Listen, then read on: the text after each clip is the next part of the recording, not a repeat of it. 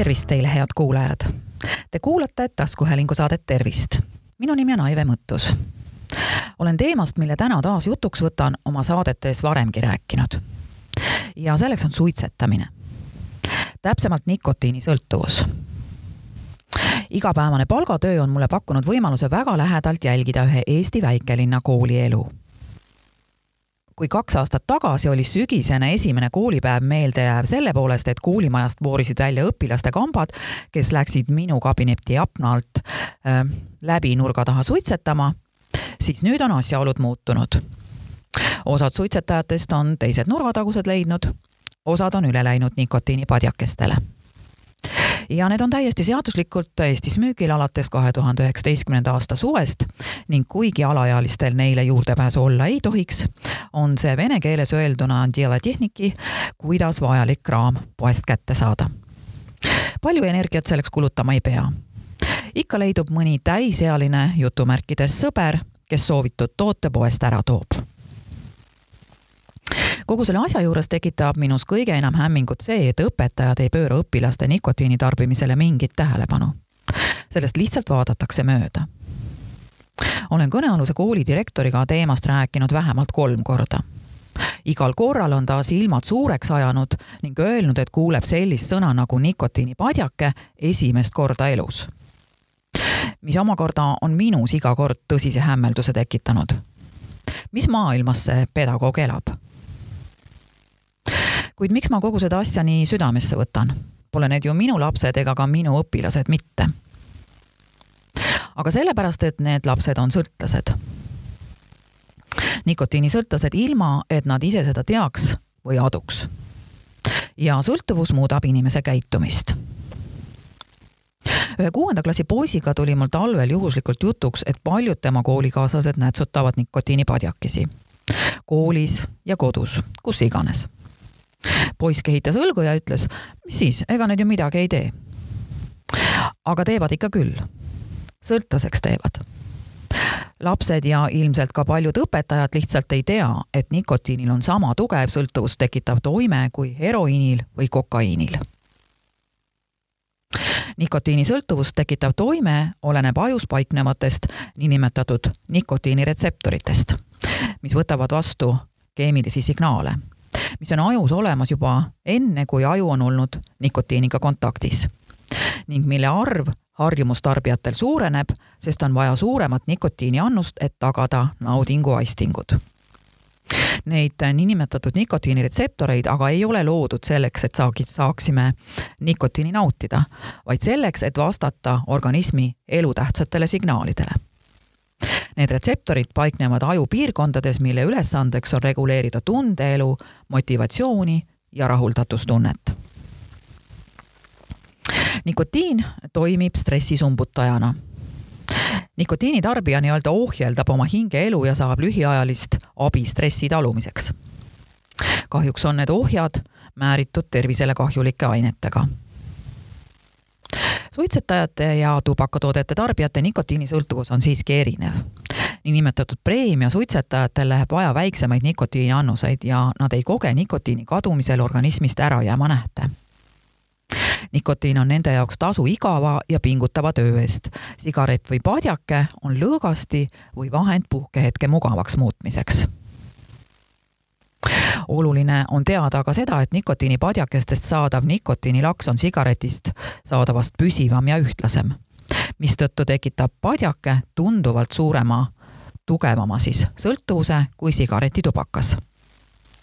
Risk jääda nikotiinist sõltuvusse on huuletubaka ja nikotiinipastakeste tarvitamisel kaks kuni neli korda suurem kui tavasigarette suitsetades see tähendab, et paadjakestest loobumise järel võib inimene hakata suitsetama sigarette oluliselt suuremas koguses kui enne padjakeste tarvitamisega alustamist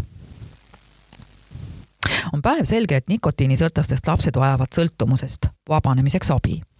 kuid ainus, mida see konkreetne väikelinna kool aeg-ajalt pakub, on see, et nad kutsutakse vaibale, noomitakse läbi ja saadetakse minema sõnadega ära enam nii tee selline käitumine kahjuks sõltuvusest vabaneda ei aita. Jah, tõepoolest, nikotiinisõltuvusest saab välja rabeleda ka omal käel, alati ei lähe nõustajat vaja. küll aga peab olema tugev tahe ja kindel soov. kui täiskasvanutelgi on loobuda raske, siis miks me arvame, et lapsed sellega ise hakkama saavad? eriti veel praeguses olukorras, kui neil distantsõppega seoses niigi palju pingeid õlul väga hästi muide kirjutab suitsetamisest ja ka nikotiinisõltuvusest vabanemisest teise juuni Postimehes kopsuarst doktor Ülle Ani. Nõustamist pakuvad perearstid ja suitsetamisest loobumise nõustamise kabinetid. kabinetti saab pöörduda ilma perearsti saatekirjata ja tasuta ka ilma ravikindlustuseta inimene. tuleb vaid aeg kokku leppida nõustamine toimub kõigile ühtemoodi, ükskõik kas suitsetatakse või tarvitatakse huuletubakat või nikotiinipatju suitsetamisest loobumisel tuleb arvestada kahe võrdväärse sõltuvusega, kirjutab doktor Ani selles loos. Esiteks nikotiini mõjuga kesknärvisüsteemile, mida aitavad vajadusel ületada ravimid.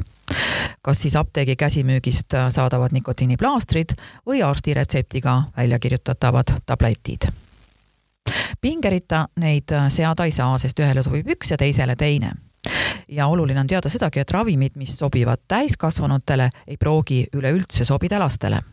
otsuse selles osas teeb arst. Tavaliselt kulub kaks kuud, kui aju kohaneb taas ilma nikotiinita hakkama saama. tuleb teada aga sedagi, et tegemist pole imerohtudega.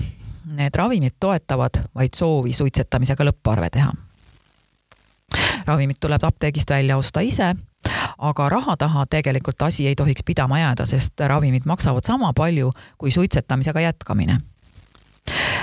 Erinevalt suitsudele kuluvatest summadest kaob ravimikulu eelarvest aga paari kuuga. nikotiini aseained ei korva siiski nõrka motivatsiooni ja psühholoogilist ettevalmistamatust. Nikotiini aseaine koos suitsetamisega võib koguni põhjustada nikotiinimürgituse. Kõike seda suitsetavad ja padjakesi nätsutavad lapsed aga ei tea ning võivad seetõttu puhtast teadmatusest endale kahju teha E-sigaret, nikotiinipadjad ja kuumutatavad tubakatooted ei ole suitsetamisest loobumise tõenduspõhised vahendid. sageli pakutakse uusi tooteid kui suitsetamisest loobumise vahendeid, kuid tegelikult on tegemist nikotiinisõltuvuse jätkamisega teisel kujul kuigi need tooted ei sisalda tubaka põlemisega kaasnevaid aineid, ei ole nad ka tervisele ohutud mitte aina enam tuleb juurde uuringuid, mis tõendavad, et nende tarvitajate hulgas on suurem haigestumine näiteks insulti, infarkti ja südame-isheemia tõppe. ja ka puhas nikotiin muide ei ole lihtsalt sõltuvust tekitav aine, vaid sellel on eraldiseisvad mõjud raku tasandil nikotiin nimelt vähendab keharakkude võimet suruda alla kasvajate arengut. tagajärjeks on suurem oht vähitekkeks teine suitsetamise, padjakeste närimisega kaasas käiv seljatamist vajav sõltuvus seisneb harjumuspärasest toimingust ehk rituaalist vabanemises. selleks tuleb kogu toiming pulkadeks lahti võtta, teha ettevalmistusi esimeseks nikotiinivabaks päevaks ja panna kõrva taha soovitused nikotiinivabaks perioodiks loobumisel on esmatähtis tahe olla vaba. määrata oma päevarütm ja valida tegevused, mida soovitakse teha nikotiinisõltlase päevakava on aga paika pandud suitsetamise või nikotiini manustamise protseduuride sagedusega. mõnel inimesel õnnestub suitsetamisest või nikotiinipadjakestest loobuda esimesel korral, teisel on selleks vaja mitut katset. praktika näitab, et võit saavutatakse keskmiselt kolmandal või neljandal katsel suitsetamisest loobumisel on oluline teadlikult muuta käitumuslikke rutiine ja harjumusi. ka siin ei ole abiks e-sigaret ega kuumutatav tubakatoode, sest need, need matkivad suitsetamist kui sellist suitsetamise liigutus jääb alles ja samuti jätkatakse samade suitsetamiskohtade kasutamist asendades ühe toote samalaadse alternatiiviga, ei muutu inimeste automaatsete harjumuste osas midagi ja see ainult pikendab sõltuvuses olemist uuringud näitavad, et sageli ei suudeta sigareti tarvitamist alternatiivsete toodete abil maha jätta ja neid kasutatakse paralleelselt. See tähendab, et organismis adub lisaks tavasuitsule ka aineid, mida leidub teistes alternatiivsetes toodetes. Ning nende koosmõjul võivad tekkida omakorda uued tervist kahjustavad ühendid. Ja fakt on see, et praegu puuduvad tõsiseltvõetavad kliinilised uuringud, mis tõestaksid alternatiivsete tubakatoodete efektiivsust ja ohutust meditsiinitoodetena. Veelgi enam, uued tubaka- ja nikotiinitooted hoiavad ülal nikotiinisõltuvust ning nende tarvitamine normaliseerib suitsetamist ühiskonnas nii on paljudes riikides märgatud, et laias valikus kasutusele tulnud veipimisseadmed, suitsu- ja tubakavabad tooted hoopis suurendavad suitsetamiste populaarsust. ja seda muide just noorte hulgas ka Eesti kooliõpilaste tervisekäitumise uuringute tulemused löövad häirekella, sest üheteistkümneaastastest lastest, kes on kunagi suitsetanud, ligi seitsekümmend protsenti alustavad suitsetamist just e-sigaretist.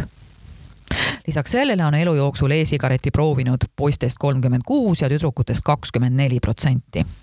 ning need suhtarvud tõusevad igal aastal. Kuigi tubakatootjad levitavad väiteid, et nende pakutavate toodetega on võimalik suitsetamisest loobuda, näitavad uuringud, et pigem on need alguseks uue põlvkonna nikotiinisõltuvusele ükskõik millise nurga alt sellele probleemile läheneda, on päevselge, et nikotiinisõltlastest lapsed vajavad sõltumusest vabanemiseks abi. ja selle abi pakkumise võti on just kooli ja õpetajate, kodu ja lapsevanemate käes naagutamine, häbistamine ja probleemi eitamine nikotiinisõltlastest lapsi kahjuks ei aita. Head kuulajad, te kuulasite taskuhäälingu saadet Tervist. saate leiate Delfi podcastide pesast tasku, nutirakenduste Spotify, Apple Podcasts, SoundCloud ja teised. hakake jälgijaks ja kuulake just teile sobival ajal ettepanekuid teemade kohta, mida saates käsitleda, ootan teilt e-posti teel aadressil tervist.maaleht.ee minu nimi on Aive Mõttus, olen Maalehe taskuhäälingu saate Tervist toimetaja. tervist teile!